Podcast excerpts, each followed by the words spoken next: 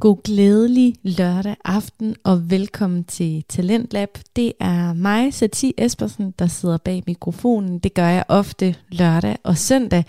Og det er jo sådan, at vores talentprogram om dansk podcasting sender hver eneste aften på Radio 4. Vi sender mellem klokken 10 og klokken 12, og øh, vi byder på podcasts. Og det kan være alt fra to til fire. I dag der har jeg to med. Du skal lytte til podcasten Gå med det og podcasten Fritid. Og øh, jeg håber rigtig meget, at du får noget ud af både en dyb historie om at være ja faktisk kronisk syg med en tumor, øh, men også øh, bliver lidt opløftet af at komme med ud og rejse med Masser Paul fra Fritid Podcast. Jeg har i hvert fald indhold, der spænder bredt, og det er det, vi skal lytte til de næste to timer.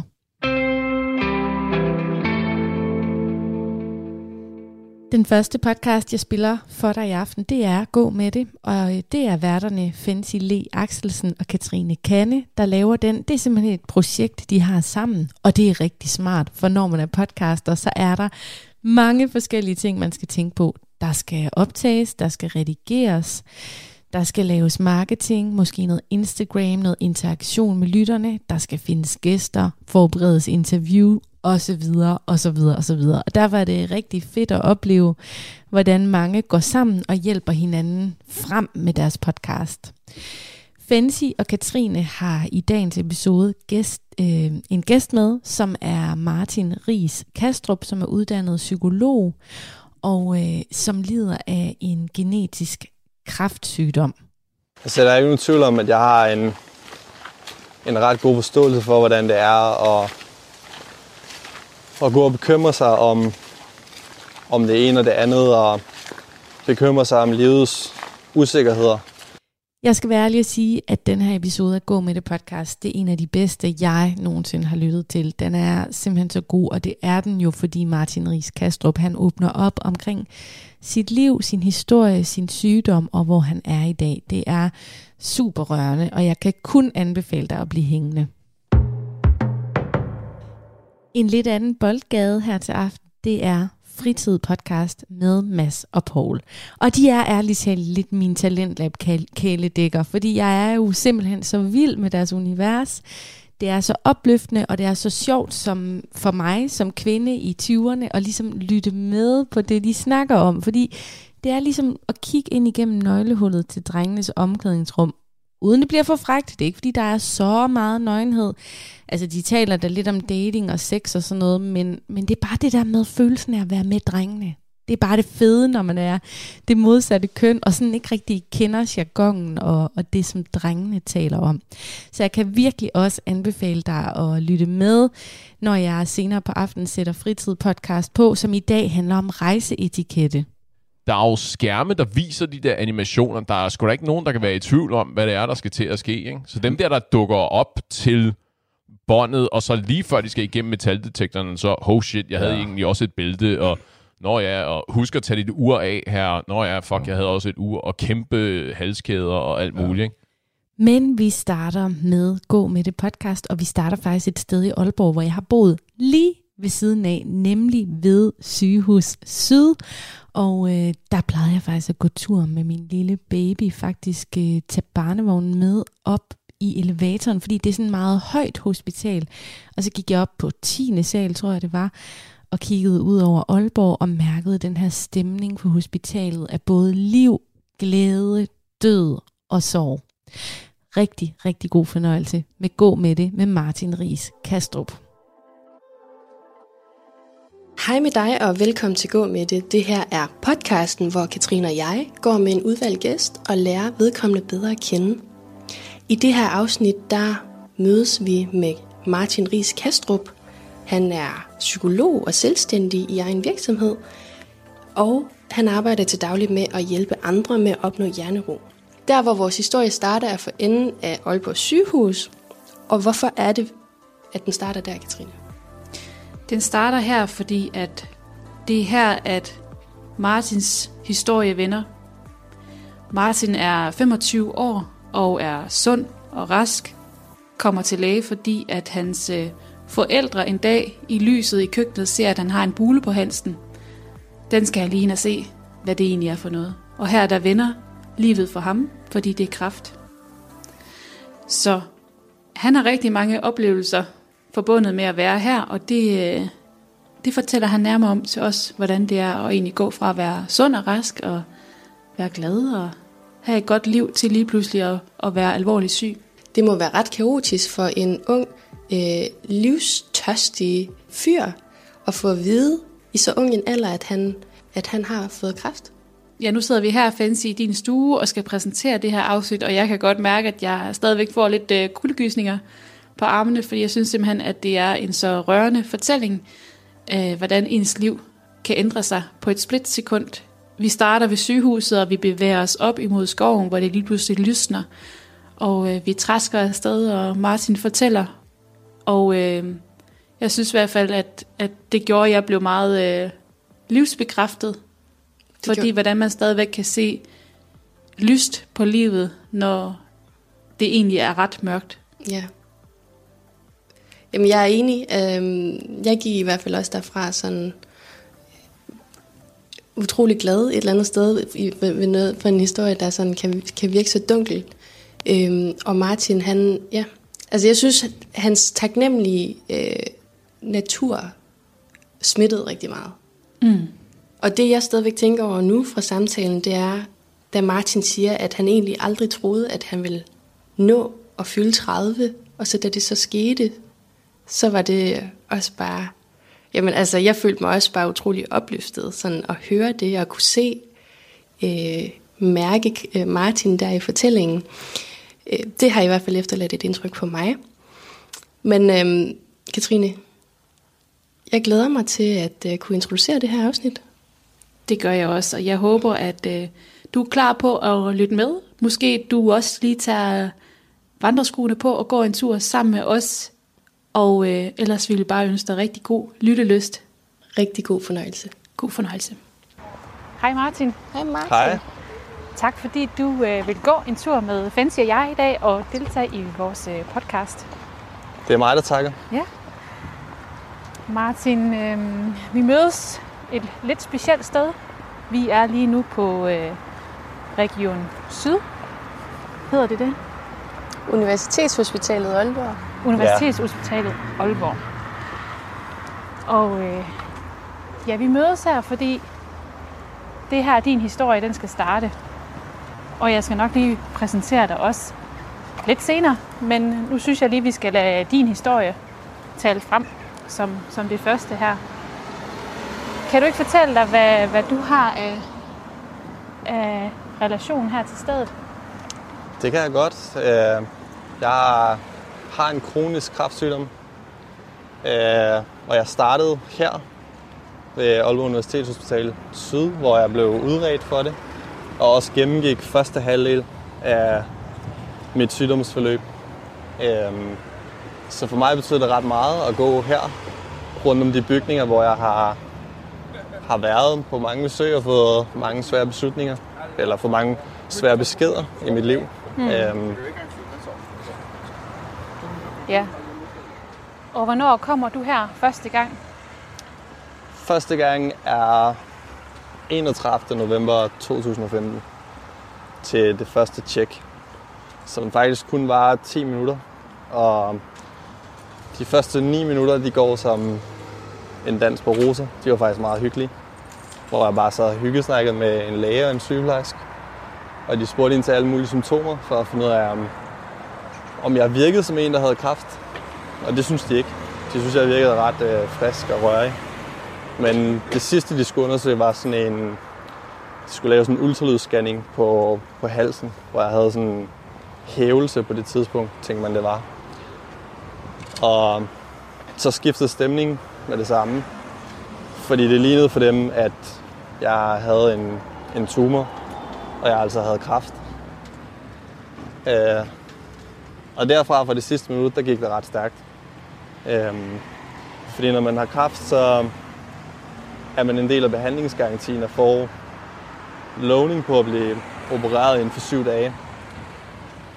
Og jeg kan huske, at sygeplejersken hun kom ind i lokalet igen og var helt glad og smilende og sagde, at hun havde fået et afbud dagen efter, så hun kunne klare en operation inden for 24 timer. Jeg tror på det tidspunkt, tror jeg ikke helt, jeg vidste, hvad, hvad det betød at skulle, skulle igennem en operation. Så jeg sagde egentlig bare ja, og 24 timer senere, så lå jeg på operationsbordet første gang. Wow. Ja. Det, det må være... Altså, det er svært at sætte sig ind i, at, at også at det går så stærkt. Hvilke følelser gik der igennem? Kan du huske det? Din, øh, din krop på det Jeg tror, at på den første operation der, der var jeg nok ret naiv omkring, hvad en operation var. Jeg kan huske, at jeg ringede og fortalte mine forældre det der om eftermiddagen, og jeg havde været derinde, at de mente, at jeg skulle opereres dagen efter. Og mine forældre de spurgte sådan, om ikke de skulle komme, komme forbi. Nu bor de i den anden ende af landet på Lolland. Øhm, og jeg kan huske, at jeg var sådan, nej, det behøver jeg ikke. Det går nok. Det er, sådan, det er ikke så slemt. Øhm, og det tror jeg bare var et udtryk for, at øh, jeg ikke vidste, hvad det ville sige at blive opereret.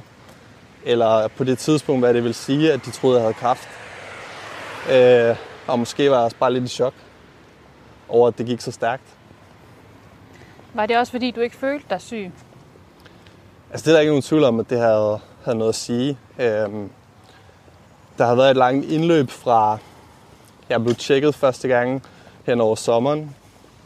Først til min egen læge, og så en speciallæge, der tog nogle prøver. Øhm, hvor de ikke havde kunne vise noget. Og jeg følte mig jo bare sund og rask. Så jeg tror måske, hvis der havde været et eller andet opløb, hvor at jeg kunne mærke, at jeg havde været træt, eller havde manglet energi, og så havde det måske givet mening. Og hvad så derefter? Du bliver så opereret.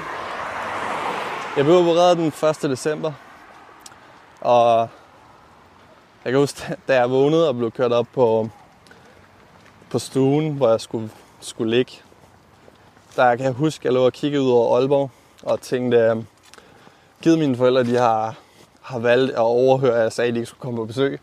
For jeg synes, jeg var ret alene lige der. Øhm, og så gik der jo fem minutter, så kom de ind. Og så, det var jeg ret glad for, kan jeg huske. Øhm, men jeg blev ligesom opereret der, og så skal jeg svare på prøverne den 9. december. Så lidt over en uge efter. Og jeg kan huske, at jeg havde virkelig sat mig op mentalt til, at nu skulle jeg virkelig sådan have svar på, om, om jeg havde kraft. Øhm, og jeg havde sådan en følelse af, at jeg virkelig havde sat mig så meget op, at de kunne bare have sagt, at jeg havde kraft, og så ville jeg bare have været meget praktisk omkring det. Men lægen hun siger, at det har jeg ikke. Og hun er den eneste sted, der har jeg også lidt lært efterhånden, at hvis der kun er én sted, altså én læge, så er det som regel gode nyheder. Hvis der er lige snart, der er en sygeplejersk, så, så kan man godt forvente dårlige nyheder. Men hun sagde så, at det så fint ud, men hun undrede sig over, at jeg stadig var hævet på halsen, øhm, som var det sted, hvor, hvor jeg ligesom var opereret. Øh, så jeg røg op på briksen og fik sådan en ultralydsscanning igen. Og så gik der lidt, så sagde hun, at hun lige skulle ud. Og jeg tror, hun var ude i et kvarters tid, hvor jeg bare lå der og ventede. Og da hun så kommer ind igen, så, um, så kommer der så en, en gammel far, en læge med og en sygeplejerske. Og så tænker jeg lidt, at det er ikke gode nyheder, de kommer med. Og så ham, den gamle læge, begyndte så at lave en ultralydsscanning af halsen. Og um, jeg lå bare der, uden de ligesom havde sagt noget, da de kom ind. Så jeg kan huske, at jeg sådan tog mig sammen til at sige, at det fordi i stedet tror, jeg har kraft, at I ligesom undersøger mig igen. Og så sagde lægen, at ja, det mente de nu nok, men det ville også være mærkeligt, når de lige havde, havde taget prøver af det. Øhm, men de besluttede sig faktisk for, at de mener, at jeg har kraft, og de gerne vil operere et døgn efter igen. Øhm, så 24 timer senere, der ligger jeg på operationsbordet igen for anden gang på 10 dage.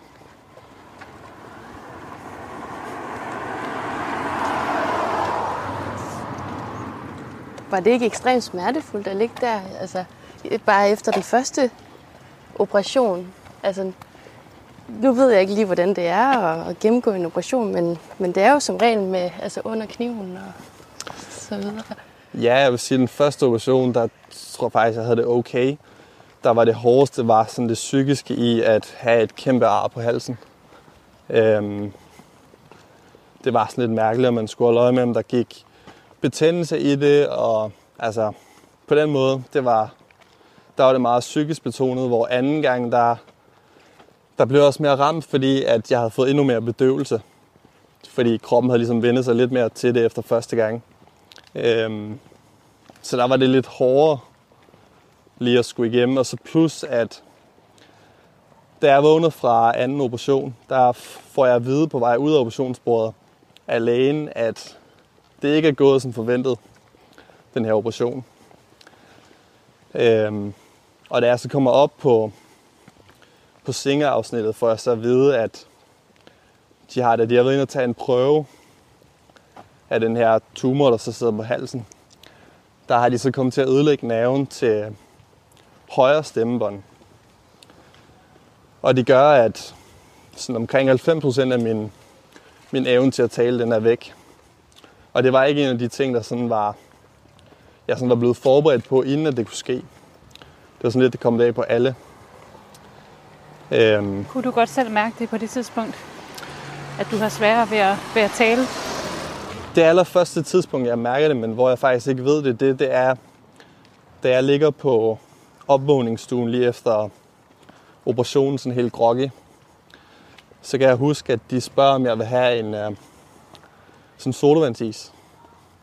Fordi at det åbenbart hjælper, når man ligger der og har kvalme. Og så får jeg sådan en af de der med øh, sådan et lille frossen af uh, vingummibams i.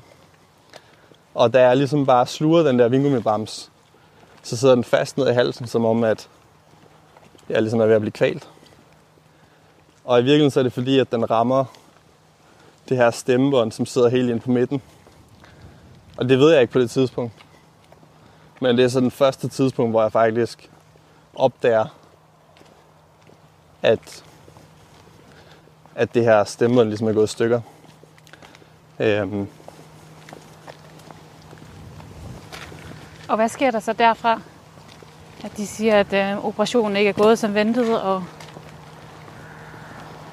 jamen så, så er det helt lidt i sådan en afvendende position, fordi de siger, det kan være, at vi har ødelagt din nerve for altid. Det kan også være, at vi bare har overanstrengt fordi at når de opererer sig for at kunne se nerverne bevæge sig, så sætter de en eller anden form for strøm til, så de står og hopper, imens de skærer, øhm, så de kan skære udenom dem. Så på det tidspunkt er det stadig sådan lidt, måske kommer det til at virke, måske ikke. Men en uge senere, der jeg er inde og få kontrolsvar på, på prøverne første gang, så siger de, at fordi det ikke rigtig har bedret sig med stemmen, at så er det højst sandsynligt, at de har ødelagt nerven. Og de ved ærligt talt ikke, om, om jeg nogensinde vil kunne komme til at tale normalt igen. Øhm, og jeg tror, det er nok det tidspunkt, hvor at jeg har også set mine forældre have mistet modet allermest. De har altid været sådan en god støtte undervejs, og også, øh, de var altid gode til at, at være optimistiske og også øh, støttende på en positiv måde. Øh, men, men der tror jeg, vi alle tre var lidt håbløse på det tidspunkt. Øh, Så der kom nærmest ingen stemme ud af din, af dit stemmebånd. nærmest ikke. øh, Det var, det var virkelig, virkelig svært at tale særlig højt. Øhm, og det var meget svært at få noget kraft på. Og jeg blev enormt træt i hals og overkrop, fordi at jeg spændte så meget op i musklerne for at presse en stemme ud. Øhm, jeg kan huske i løbet af foråret, det kommende forår, at jeg var til nogle fester på mit studie, hvor at lige så snart jeg trådte ind i lokalet, så kunne jeg høre, at musikken den var to-tre lydniveauer over, hvad jeg kunne tale. Øhm, og så blev det en lidt lang aften, kan man sige.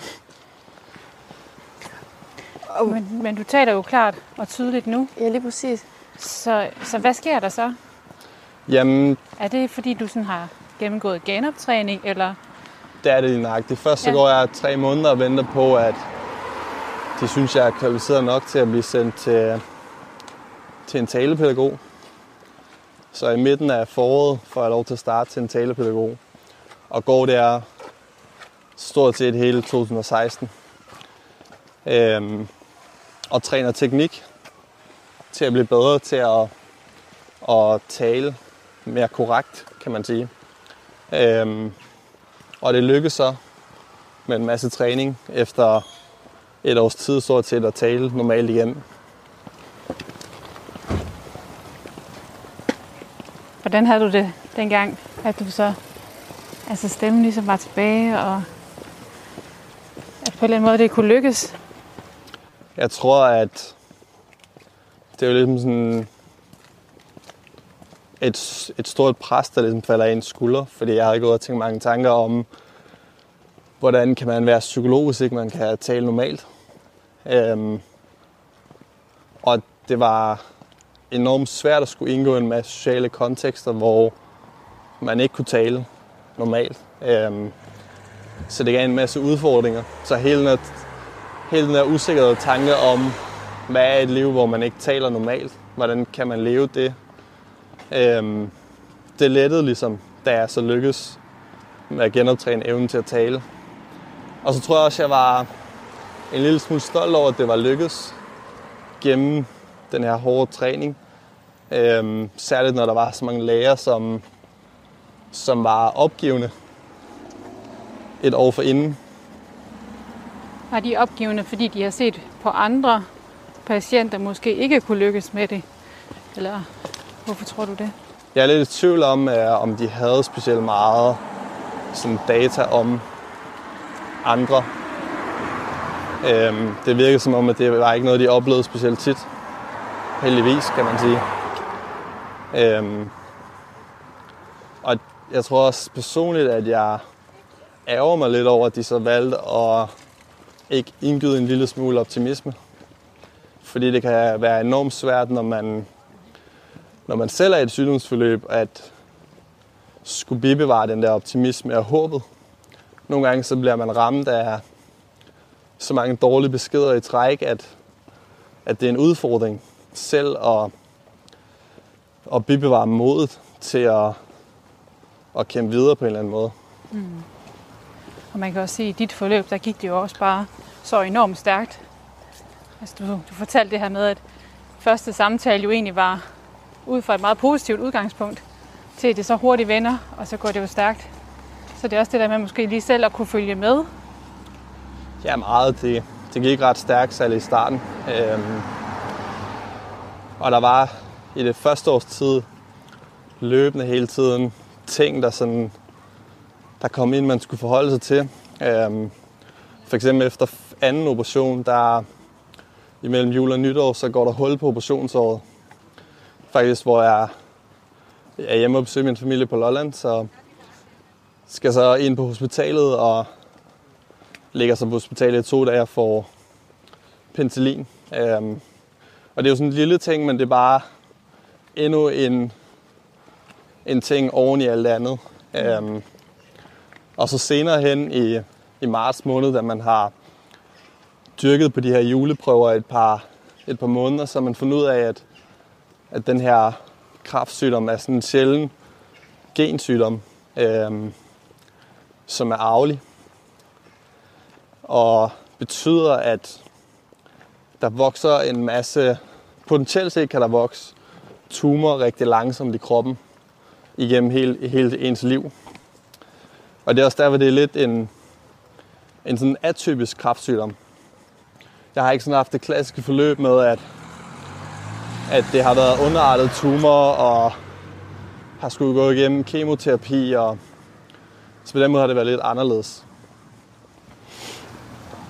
Så er der flere i din familie, der er ramt af den samme sygdom? Ja, i marts måned, hvor at, øh, her i 2016, hvor jeg ligesom finder ud af, at jeg har den her øh, genbetinget sygdom, så begynder man at undersøge først mine forældre, og finde ud af, at min mor har det.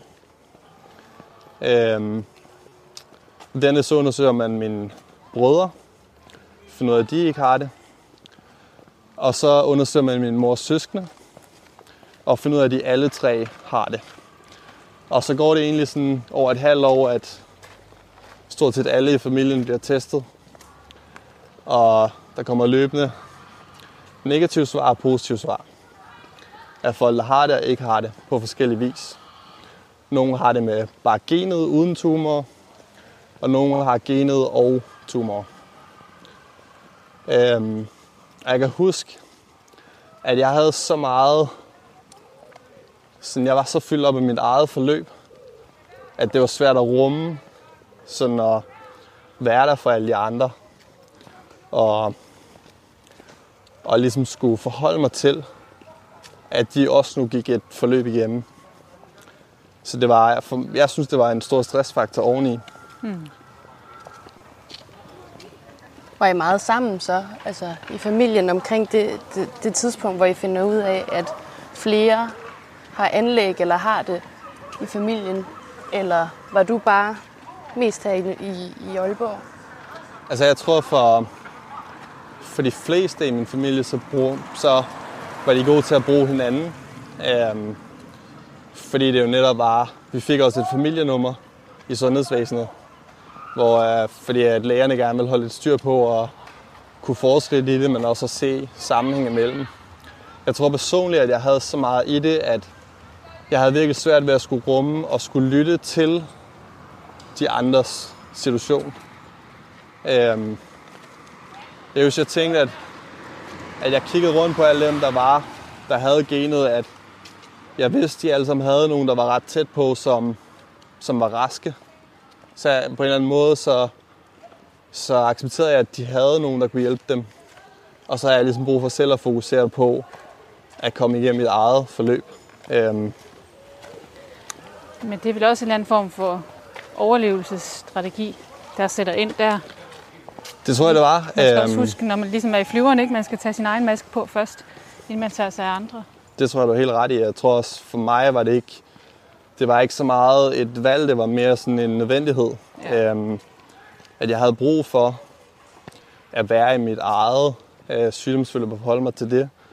Der sker også det samtidig med den her periode, hvor hele min familie de bliver udredt. Der går jeg selv til et forløb, hvor jeg flere omgange får sprøjtet sådan noget radioaktivt stof ind i kroppen. I forsøg på at se, om, om det ligesom kan få de her tumorer til at blive mindre. Og det kunne det? Det kunne det ikke, desværre. Øhm, det var også lidt 50-50 sats, de lavede. De snakkede måske, at der kunne være en bivirkning ved, at måske stoppede, hæmmede det bare væksten på de her tumorer. Jeg har tre tumorer i kroppen i dag. En på halsen og to i maven. Og går til årlig kontrol nu for dem. Og der er ingen af dem, der er vokset siden øh, 2015. Og det kan være en bivirkning af det her radioaktive stof, det ved man ikke. Øhm, men det virkede, virkede ikke til at gøre dem mindre. Men jeg kan huske den forbindelse, at på et tidspunkt, så da jeg er inde at få den her indsprøjtning, så får jeg at vide af en af lægerne, at de her fire små sprøjter, som virkelig er sådan nogle bitte, bitte, bitte små sprøjter, de har kostet en halv million kroner at få. Og jeg kan huske, at jeg, jeg også fik en, en sådan kæmpe respekt også for at, at leve i et land, hvor at, at der er en masse mennesker, der betaler deres skat for, at et menneske, de overhovedet ikke kender, bare kan få al den her hjælp. Som, altså jeg har jo fået utrolig meget hjælp af, af sundhedsvæsenet i over et år.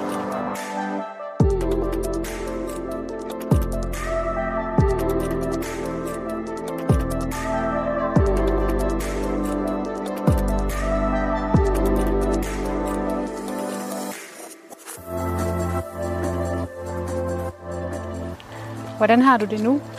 Nu er det jo 2015, det, det startede, og vi er 2021 nu. Det er efterhånden noget tid siden, vil jeg sige. Øhm, og jeg føler mig rask og, og rørig. Øh, har selvfølgelig stadig et men med, med, at jeg har et stemme, der ikke virker. Og jeg skal gå til årlig kontrol for for nogle tumor, så, så man kan sige, der er jo stadig sådan en, der er jo stadig en eller anden skygge, der hænger i forhold til, at jeg i hvert fald en gang om året lige skal forholde mig til, om, om der kommer en ny omgang med operation, eller hvad det nu bliver.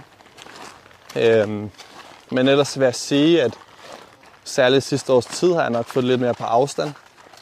Fra at da jeg, var, da jeg blev ramt, der, der var jeg meget sådan skeptisk om, om vil jeg blive 30 år gammel.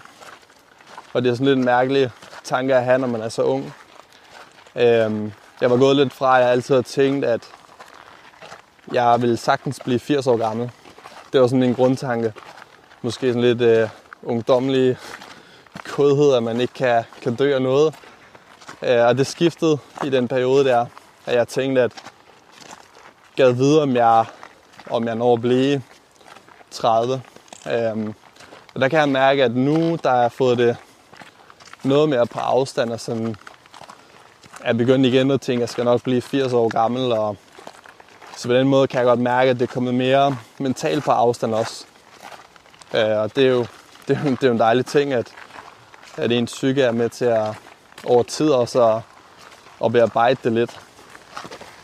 Ja, forføler du dig syg? Altså, du siger jo stadigvæk, at du har tumor i, i kroppen. Jamen jeg siger, jeg har jo tre tumorer i kroppen, men jeg har ingen... Altså det er ikke rigtig nogen effekt på min krop, som det er lige nu. Øhm, så jeg føler mig overhovedet ikke syg. Det er klart, at jeg jo stadig har sådan en bule på min hals og et ar. Øh, og jeg kan også godt, når jeg taler og bevæger hovedet, så kan jeg jo godt mærke, hvor min tumor den er sådan i yderkanterne af den, fordi den ligesom bevæger sig rundt og er sådan relativt stor i det. Øhm, men jeg føler mig rask og rørig. Det må man sige, det er godt at høre. Ja.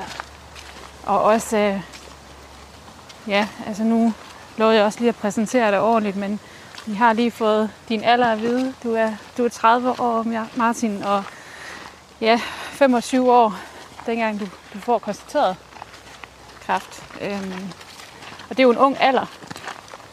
Og øh, du er uddannet psykolog i dag, og, og har din egen virksomhed også. Var du i gang med at læse dengang? Ja, der, hvor, hvor stod du hen i dit liv på det tidspunkt? der tror jeg, jeg har været halvandet år inde i uddannelsen til at blive psykolog på det tidspunkt. Og var lige flyttet fra, fra København, hvor jeg havde læst på CBS nogle år. Og var så flyttet til den anden landet af, hvor jeg er opvokset øh, til Aalborg. Øhm, så Hvad har det gjort ved, ved dit liv, at du har været det her forløb igennem, og har du taget nogle andre valg? Har du gjort noget andet, eller måske blevet tvunget ud i at, at ændre retning i forhold til, hvad du måske havde forestillet dig? Altså man kan sige, jeg har haft masser af muligheder for at reflektere over, hvad, hvad livet er for en størrelse. Fordi der har været så mange gange, hvor at jeg har været inde og få taget prøve for at finde ud af, om jeg havde kræft, og så vente 14 dage på at få et svar. Og det er svært ikke at gå i de 14 dage og tænke på, hvad hvis de siger, at man har kræft, hvad vil det så sige? Øhm, så tror jeg, jeg har fået lov at reflektere meget over livet, Øhm, også sådan, jeg kan huske, at sygdomsforløbet var godt i gang, og gik og tænkte, hvad er meningen med et liv, hvor man skal have al den her lidelse? Altså, det kan være svært at, at sådan forstå, hvorfor det ligesom skal være meningsfuldt. Så er at få lov at tænke en masse tanker om stort og småt, og hvad siger det, hvad vil det sige, at man for eksempel skal dø. Øhm, og jeg tror, at jeg selv er blevet meget mere komfortabel omkring døden. Det er ikke sådan noget, jeg er blevet, jeg er ikke bange for det mere. Øhm, det er mere noget, jeg bruger aktivt i, i min hverdag. Øh, blandt andet så har jeg for nogen lidt skræmmende en, øh, en plakat derhjemme, hvor jeg, jeg har en, den har ligesom en masse prikker for, for alle de uger, jeg har levet mit liv. Og så er der tomme prikker frem til, hvis jeg bliver 100 år gammel. Og der hver søndag, der sætter jeg lige et kryds for at nu er der gået endnu en uge i mit liv. Øhm, og så sætter jeg mig ned og siger, hvordan kan jeg bruge den næste uge til at, at leve det liv, jeg drømmer om. Og også lidt være true mod det, som jeg tog med videre fra mit sygdomsforløb, som lidt var, at jeg skulle, skulle ture gå efter de store eventyr. Øhm, og det er nok også noget, der har været med til at gøre, at jeg blandt andet turde springe ud i at være selvstændig.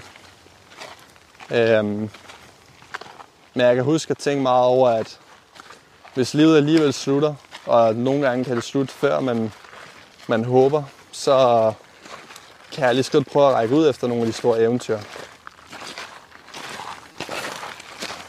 Når du så sætter det her kryds hver søndag, hvad tænker du så? Er det sådan en taknemmelighedsfølelse, der går igennem dig, eller er det mere sådan en, ja, hvad kan man lige sige? Sætter du en intention Ja. sådan for ugen, der kommer? Eller? Jeg føler, det er meget sådan, jeg får sådan en powerful følelse. Sådan virkelig er gejst omkring den her uge, der kommer, skal virkelig, skal virkelig være god. Øhm, og det handler ikke nødvendigvis om, at det bare skal være, nu skal jeg leve efter alle mulige fornøjelser, men det er lige så meget, at nu skal jeg være, være true over for de ting, der betyder noget for mig at komme ned og få trænet og bygge den her virksomhed sammen med mine kammerater og øh, være der for de mennesker, jeg holder af. Ligesom at gøre de ting, der betyder noget. Så for mig er det, giver det enormt meget energi. Den her søndag, hvor jeg ligesom kan krydse af. Nu starter vi jo nede ved sygehuset her i Aalborg, og nu går vi ind i skoven, op ad bakke. Vi går på noget grus. Solen er lige fremme. Det er nogle andre omgivelser, kan man sige, vi går i nu. Martin, hvad, hvad gør det for dig? Altså, det fik mig lige en tanke om, at det minder jo nærmest øh, sådan lidt filosofisk om, at nogle gange så er livet op ad bakke, men der er sol for enden. Øhm, og det er jo noget mere fredfuldt, må man sige, at kunne gå her. Det var også helt mærkeligt at starte ved sygehuset og, og skulle ind forbi der, hvor jeg har brugt så meget tid og, og haft så mange, så mange specielle beskeder, jeg skulle forholde mig til. Og så uden at skulle ind og, og besøge hospitalet, øh, uden der ligesom skulle ske noget. Har du Så- været der siden? Siden nu her? Jeg har, det er ret lang tid siden, jeg har været der sidst. Øhm, jeg har været der et par gange efterfølgende i forhold til at få taget blodprøver, men ellers så det er ikke et sted, jeg bare har besøgt for, for ligesom at... Altså, jeg har ikke haft sådan et behov for at have sådan et genbesøg, hvor jeg lige kunne få lade, lade tankerne løbe. Men det er vel også den her uvidshed, at man, man, man går til for eksempel noget kontrol ikke på sygehuset, og man ved ikke, hvad, hvad beskeden kommer til at være. Der er ikke nogen tvivl om, at uvidsheden er klart det største. Når jeg sådan kigger tilbage på, hvad jeg har oplevet, så kan jeg godt tænke, at når om den her ting isoleret set er måske ikke så slem, når jeg ser bagud. For eksempel, at, at miste stemmen er, er rigtig hård, men det er meget også fordi, at der var et års usikkerhed om, bliver det bedre. Øhm, og usikkerheden om, når man skulle ind til kontrol, og har du en aggressiv kraftsygdom, eller har du ikke? Øhm, skal vi operere, skal vi ikke operere? Og det er faktisk det, der også slider mest mentalt, synes jeg. Helt det her Og skulle forholde sig til alt det, der er usikkert. Ja. Hvordan bearbejdede du de, de tanker, følelser og frustrationer, som, som måtte gå igennem kroppen på dig på det tidspunkt? Nu siger du, du... Nej, jeg forestiller mig, når du, for, når du fortæller det der, at du må have tænkt mange tanker ikke, i det her forløb. Ikke? Rigtig mange tanker, og særligt også sådan... Jeg kan huske dels sådan en genfortælling af, hvad jeg havde oplevet op til det gældende tidspunkt, og så tanker om, hvad nu hvis A, B, C, D, eller ligesom sker, når jeg skal ind på sygehuset igen. Øhm, og jeg tror i virkeligheden ikke nødvendigvis, at jeg var sindssygt god til at bearbejde det undervejs. Øhm, Havde du nogen, du kunne snakke med? ja, Ud, Udover psykologen? Eller? Ja, jeg havde øh, familie og venner, jeg ligesom kunne snakke med om det. Øhm, og så senere hen efter det akutte forløb ligesom overvejer jeg også til psykolog. Men jeg tror, at min måde naturligt sådan at håndtere sådan en udfordring på, på det tidspunkt var at blive relativt hård og sådan lukke ned for mine følelser og ligesom forsøge at være i kontrol på en eller anden måde. Og måske lidt også som en modreaktion på, at når, når det jeg oplevede omkring mig ikke var i kontrol og var uden for min kontrol, så, så kunne jeg det mindste kontrollere, hvordan jeg, jeg ligesom reagerede. Øhm, det er også en af de ting, jeg har lært i forløbet, at, at det betaler man bare en pris for senere hen. Øhm, fordi at man, når så alt det akutte er over, så står man med en masse følelser, som, som ikke rigtig passer ind lige i situationen, hvor man er, fordi man bare har lavet det ophop.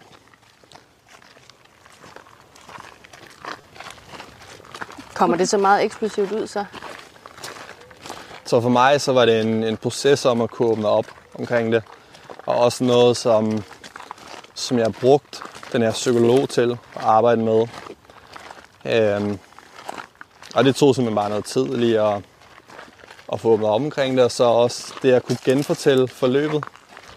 Dels for mig selv og, og for andre. Øhm, det er som om det også giver sådan en mental bearbejdning at kunne, kunne sådan genafspille nogle af de her ting, der er sket.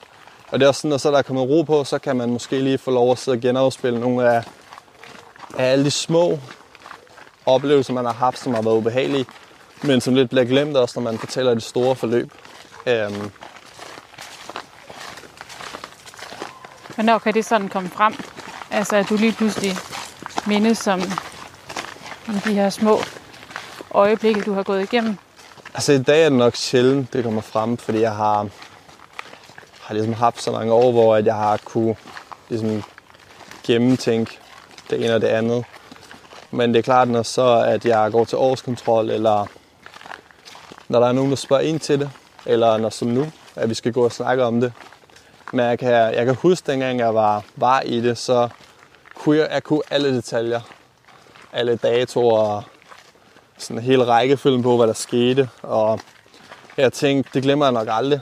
Men her en del år efter, så er jeg begyndt at, at glemme ret meget af detaljerne. Og når jeg er til sådan lige tænker forløbet igennem, så, så er det ligesom om, jeg får fortalt for langt ind i mit hoved. Og så popper der en eller anden historie op om, når jeg oplevede også det der hmm. et par måneder før.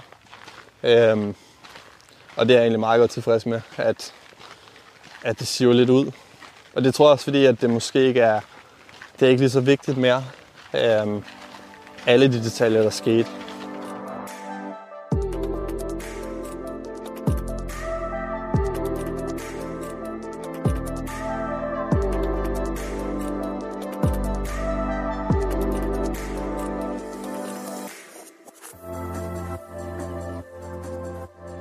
Der nogle, nogle ting, som du selv har gået igennem, som du også bruger i dag øh, som psykolog, når du skal hjælpe andre?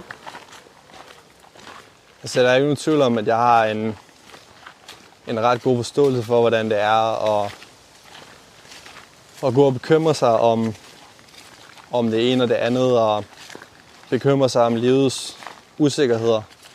Øhm, og jeg, jeg ved en del om, ja, også erfaring, hvordan man, man kan arbejde med at og ligesom håndtere det på en måde, så man, man lærer ting mindre. Og det er også det, vi, vi arbejder med i min, min virksomhed, ligesom at, at hjælpe andre med at, at tænke mindre og opnå det, som vi kalder for, for hjernero, så man ligesom kan slippe sine bekymringer. Og der er det rart at have på en eller anden måde at, at have nogle erfaringer selv fra at have været i en, en ret ekstrem situation, der gav en masse bekymringer, og så kunne krydre det med den faglige viden, jeg har som psykolog. Hjernero. Det tænker jeg, at det er, det er et ret godt ord. Ja, det er sådan et selvopfundet ord, der er en dag poppet frem. Men det er ligesom om, det beskriver på en meget god måde det her med, når man, når man lykkes med at ramme det her moment, hvor man ikke er styret af alle sine bekymringer og, sidder og ruder rundt i op i sit hoved, hvad, hvad der kan ske i morgen, og og bekymringer om, om man er god nok, og ja, det ene og det andet. Ja, det kan fylde meget.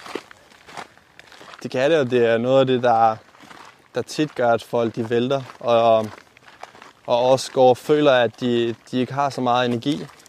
Måske også på trods selv, selv hvis ikke, at de, de nødvendigvis har sådan rigtig lange dage, så kan det bare have hele den her mentale bekymring om det ene og det andet, kan være med til at suge en masse energi. Øhm, og ligesom i gang sætte en eller anden stressrespons i kroppen, der føles fuldstændig virkelig, selvom at, at der ikke nødvendigvis er nogen ydre ting lige nu, der er med til at presse en mentalt. Og det tror jeg også var noget af det, jeg oplevede i mit eget forløb, at hvis man, hvis man virkelig er god til at bare forholde sig til det, der ligesom er på tapetet lige nu, så er det noget nemmere at få, få ro på. En af de ting, jeg lærte undervejs i forløbet og begyndte at bruge, det var, at til at starte med, så hver gang jeg var på sygehuset, så var hele dagen en dårlig dag. Men jeg lærte over tid, at typisk så var det måske en time, der var dårlig. Men at møde ind og skulle have operationstøj på og skulle snakke med sygeplejersker og skulle snakke med de andre patienter, det var egentlig ikke så svært. Altså det var, kunne egentlig tit være meget hyggeligt at snakke med nogle andre. Og så på den måde så lærte jeg også at skære det lidt ned til, hvad det hvad var. Altså hvad var det, der var ubehageligt? Hmm. Eller hvad var det, der var svært? I stedet for bare at male med en store pensel og beslutte, at alt var, var noget lort, bare fordi at, at man skulle være på sygehuset. Øhm, jeg har heldigvis haft mange sjove oplevelser også. For eksempel øh, på et tidspunkt, hvor jeg var indlagt med en, på en tomandstue med en, med en anden mand, hvor at, øhm, der har været et eller andet fodbold, VM eller EM, og vi var begge to vilde med fodbold, så vi lå den halve nat og så, så fodbold sammen og havde det mega hyggeligt, og jeg tror, at sygeplejersken, hver gang de kom ind, så, var de, så havde de lidt en fest over, at, at alle andre de lå og sov, og vi lå der og, og hyggede os med at se fodbold. Ja. Øhm, at vi så lå på et sygehus, og vi havde kitler på, og vi nok også begge to havde det lidt dårligt, fordi vi havde fået det der radioaktive stof sprøjtet ind. Det var så lidt en sidehistorie lige den, den dag. ja. Det med at finde de der små glæder i, i det, der er svært, for ligesom også at komme igennem det.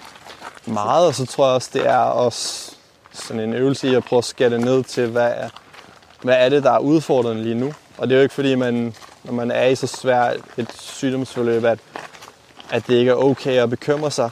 Det, det giver ret god mening, at man bekymrer sig om, om alt muligt. Øhm, men det er ret overvældende, hvis det er hele tiden non-stop, man bekymrer sig. Både når man ligger og drømmer om natten, og hvis man vågner, og igennem hele ens dag, så kan det blive ret sådan invaderende i ens liv. ja, det kan dræne ens energi også. Meget. Ja. Altså, Så når du ser tilbage på alt det, du har været igennem, hvordan ser du så på det? Det er sådan en, på en måde en svær størrelse, fordi på en måde er der, der er ikke nogen, der sådan har lyst til at være syge, og det har jeg heller ikke.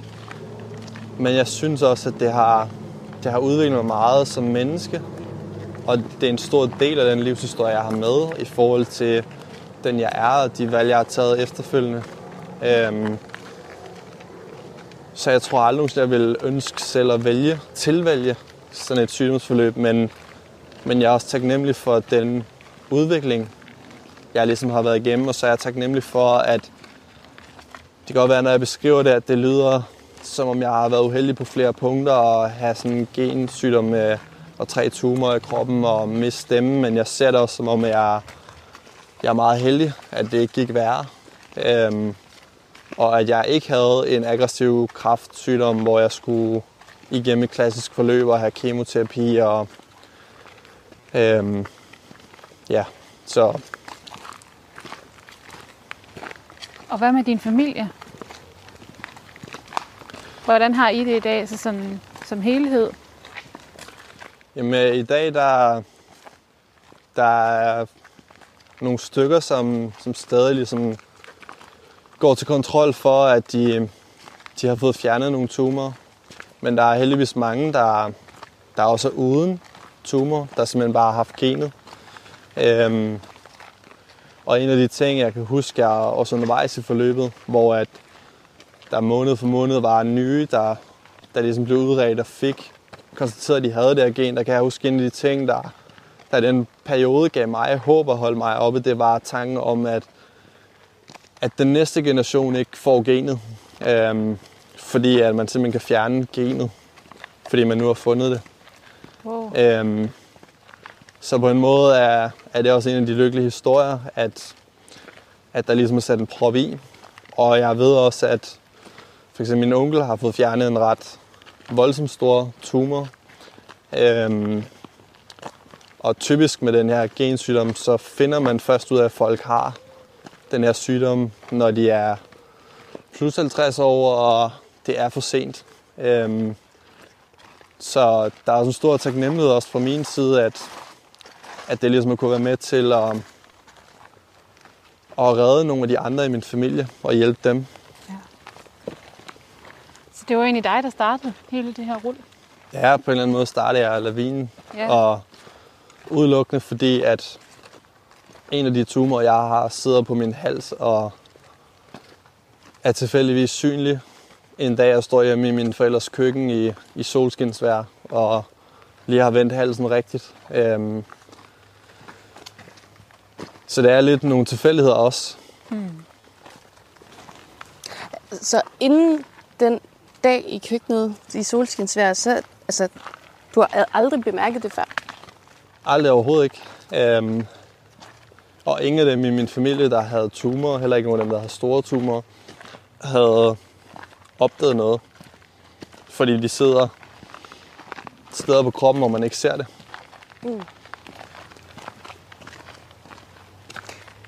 Og det finder man så først ud af ved en scanning. Og det er der, man kan se det. Ja, lige nøjagtigt. Ja. Øhm, og det er jo så, fordi man ved, at man skal lede efter det, kan man sige. Ja. At man begynder på det. Og så selv der, hvor den begyndte at blive synlig, du, altså, du mærkede ikke noget sådan om det, eller hvad? Altså, mærkede du nogle altså, gener? Nej, overhovedet ikke. Øhm, jeg tror, at efterfølgende, så har jeg selvfølgelig genen omkring, at jeg er til kan mærke det her stemmebånd, der står fast inde i midten af halsen.